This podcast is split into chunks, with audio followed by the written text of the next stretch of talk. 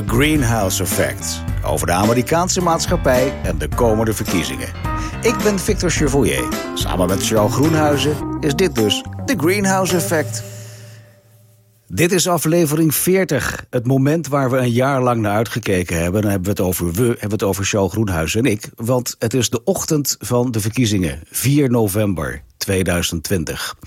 President Trump heeft in een toespraak vanuit het Witte Huis al de winst opgeëist. Eigenlijk hebben we de verkiezing al gewonnen, zegt hij triomfantelijk. Uh, volgens Trump heeft de verkiezingsfraude plaatsgevonden... en gaat hij de ongeregeldheden aanvechten bij het Amerikaanse Hoge Rechtshof.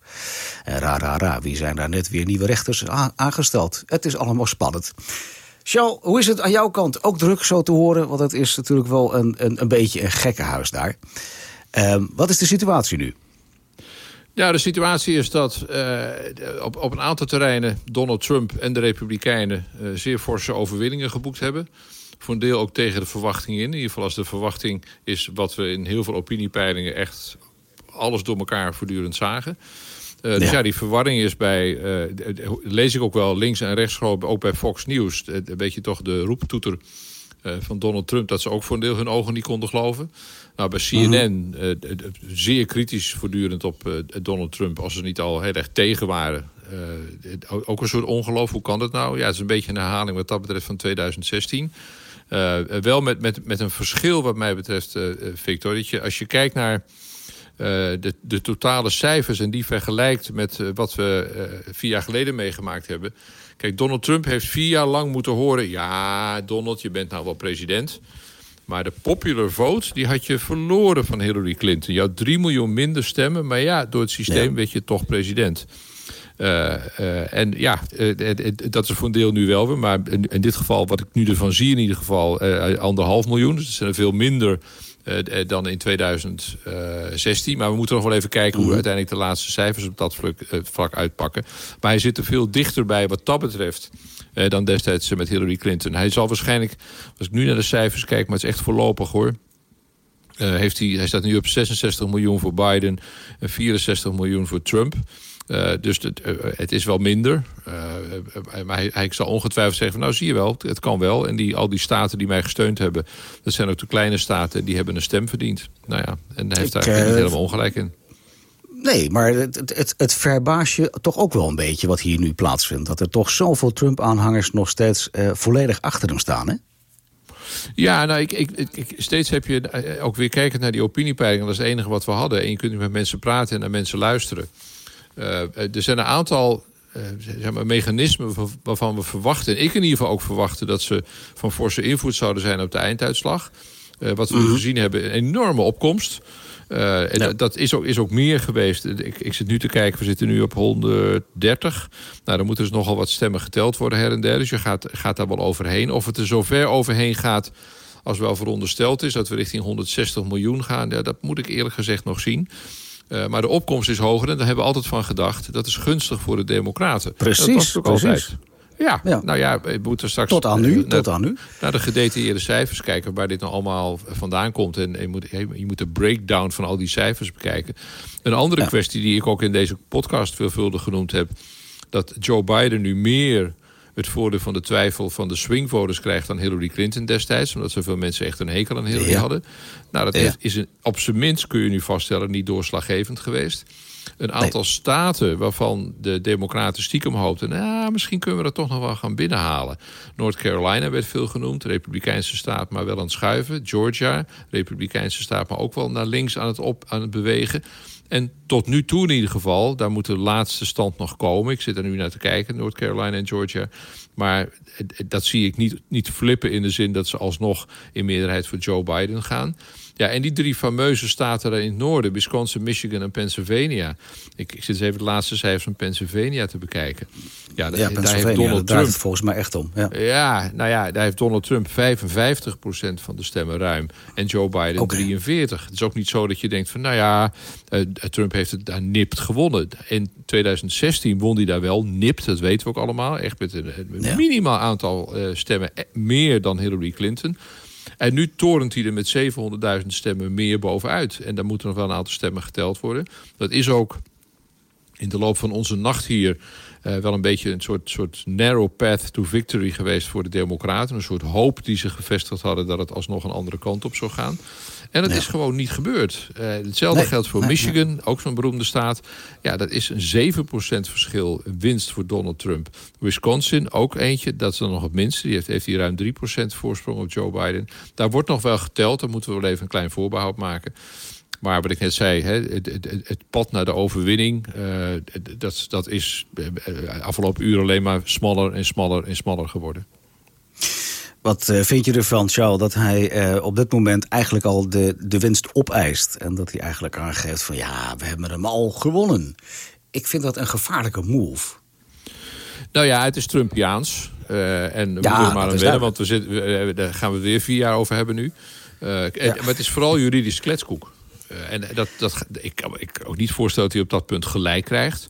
Kijk, formeel, Victor, is die verkiezingsdag is de dag om te stemmen. Eh, en daarna ga je, ga je tellen. Uh, en uiteraard ga je tellen en zo snel mogelijk. Maar ook in het hele mediacircus wat er rond die verkiezing is. Dat is ook al lang gaande.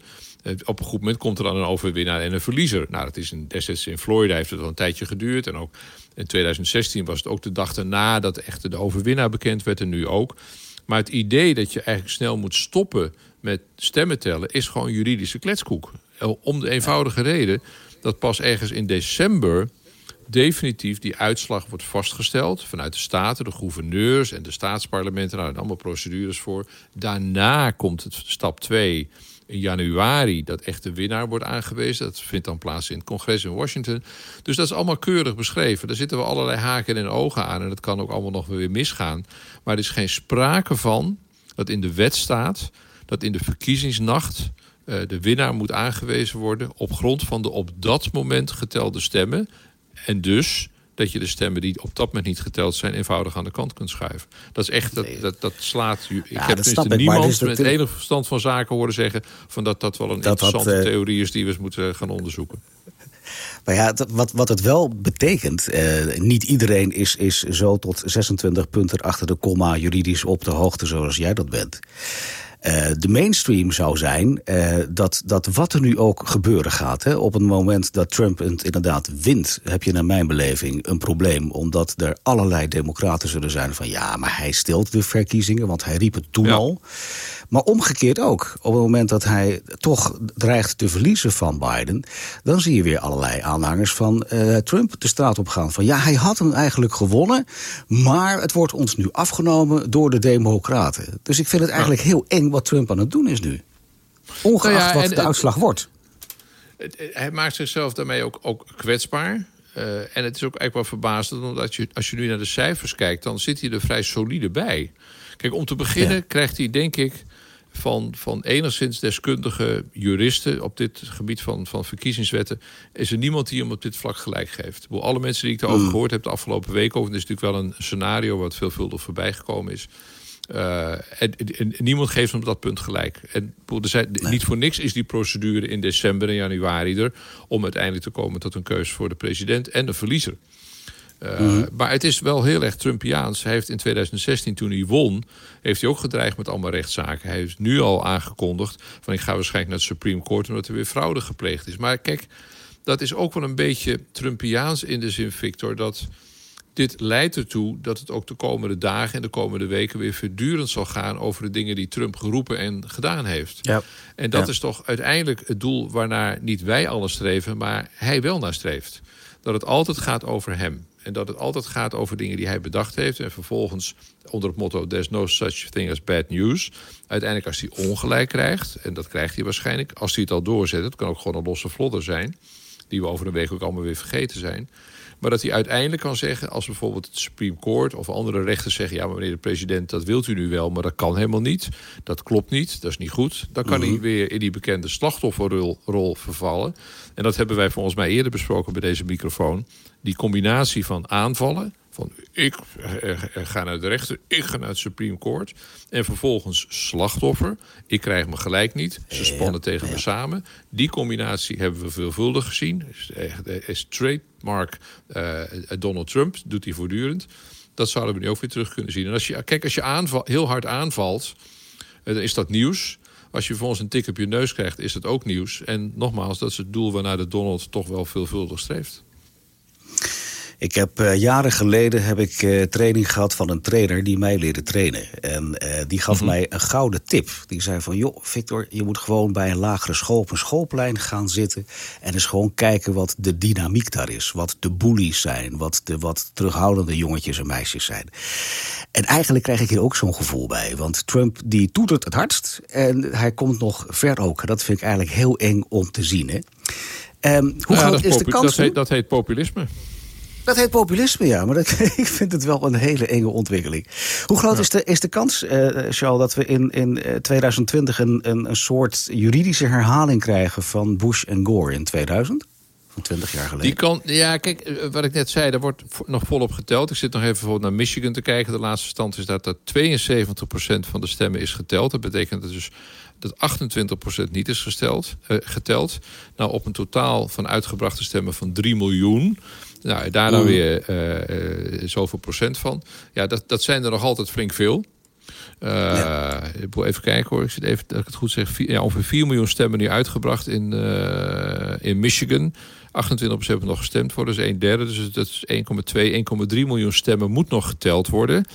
En Joe Biden ligt daar 200.000 stemmen achter. Dus als die ja. verschuiving er komt, en een van de theorieën daarbij is, hebben de Democraten ook veelvuldig aangehaald, is dat wat nog geteld moet worden, zijn die uh, poststemmen. Ja. We weten van die poststemmen van de afgelopen weken dat degenen die daar gebruik van gemaakt hebben in ruime meerderheid democraten zijn. Democratisch geregistreerde kiezers. Ook omdat Trump ja. had gezegd, het zal maar één grote frauduleuze bende. Doe het niet, dus mede daarom werden het veel democraten. Dus je zou een, een figuur kunnen krijgen of een, een, cijferontwikkeling in de komende uren. Volgens mij zijn ze hier en daar even gestopt omdat het daar nu midden in de nacht is. En ze misschien ook wel even naar bed willen. Uh, maar een figuur kunnen krijgen dat omdat ze nu al die poststemmen alsnog gaan tellen, ondanks Trump, uh, dat ja. je een verschuiving zult zien dat van die stemmen die nu nog geteld moeten worden, de meerderheid uh, op Joe Biden is. En dan zou je een verschuiving kunnen krijgen. Maar of dat een verschuiving is, zoals in Michigan van, nou ik zeg het nog maar even, zo'n 200.000 stemmen op 4 miljoen. Ja, ja het, zou, het zou kunnen. Uh, zo goed als je in, in uh, Wisconsin uh, moet nog 17% van de stemmen geteld worden. Dat zijn er zo'n 3 miljoen. Nou, 17%. Dat zijn de, ja, het, het is niet uitgesloten, maar is de kans groot? Het antwoord is simpelweg nee. Dan zou je ineens wel een hele eenzijdige zwiep in de richting van Biden moeten krijgen om dat nog echt om te draaien. En de stand van zaken nu is, als je naar de electoral votes kijkt, 220 voor Biden, 213 voor Trump. En als je gewoon naar het statistiekje kijkt, hè, met die fameuze grens van 270, dan schuift Trump daar al bijna voorbij straks. Hoeveel um, geld zet jij op de een of op de ander? Procentueel, laten we het dan netjes houden. Hoe staat de situatie ja, er morgen ik, voor? Ik denk, we hebben de afgelopen dagen veelvuldig de verhouding gezien 90-10. 90%, kans dat Biden gekozen wordt, 10 dat uh, Donald Trump gekozen wordt. Ik hou het bij 90-10, ja. maar dan met omgekeerde namen erbij. 90% dat Trump dat nu wint en 10% ja. nog uh, Joe Biden. Oké. Okay.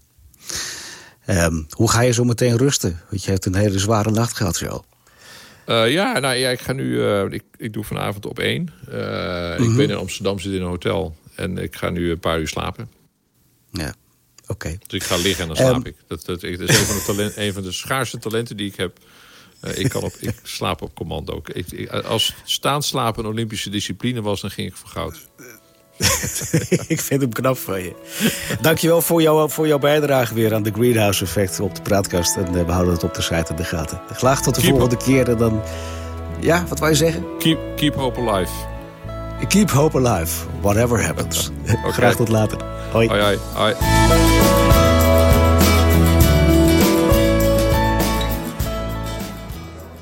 Dankjewel voor het luisteren naar deze podcast. De Praatkast. Gesprekken die ertoe doen.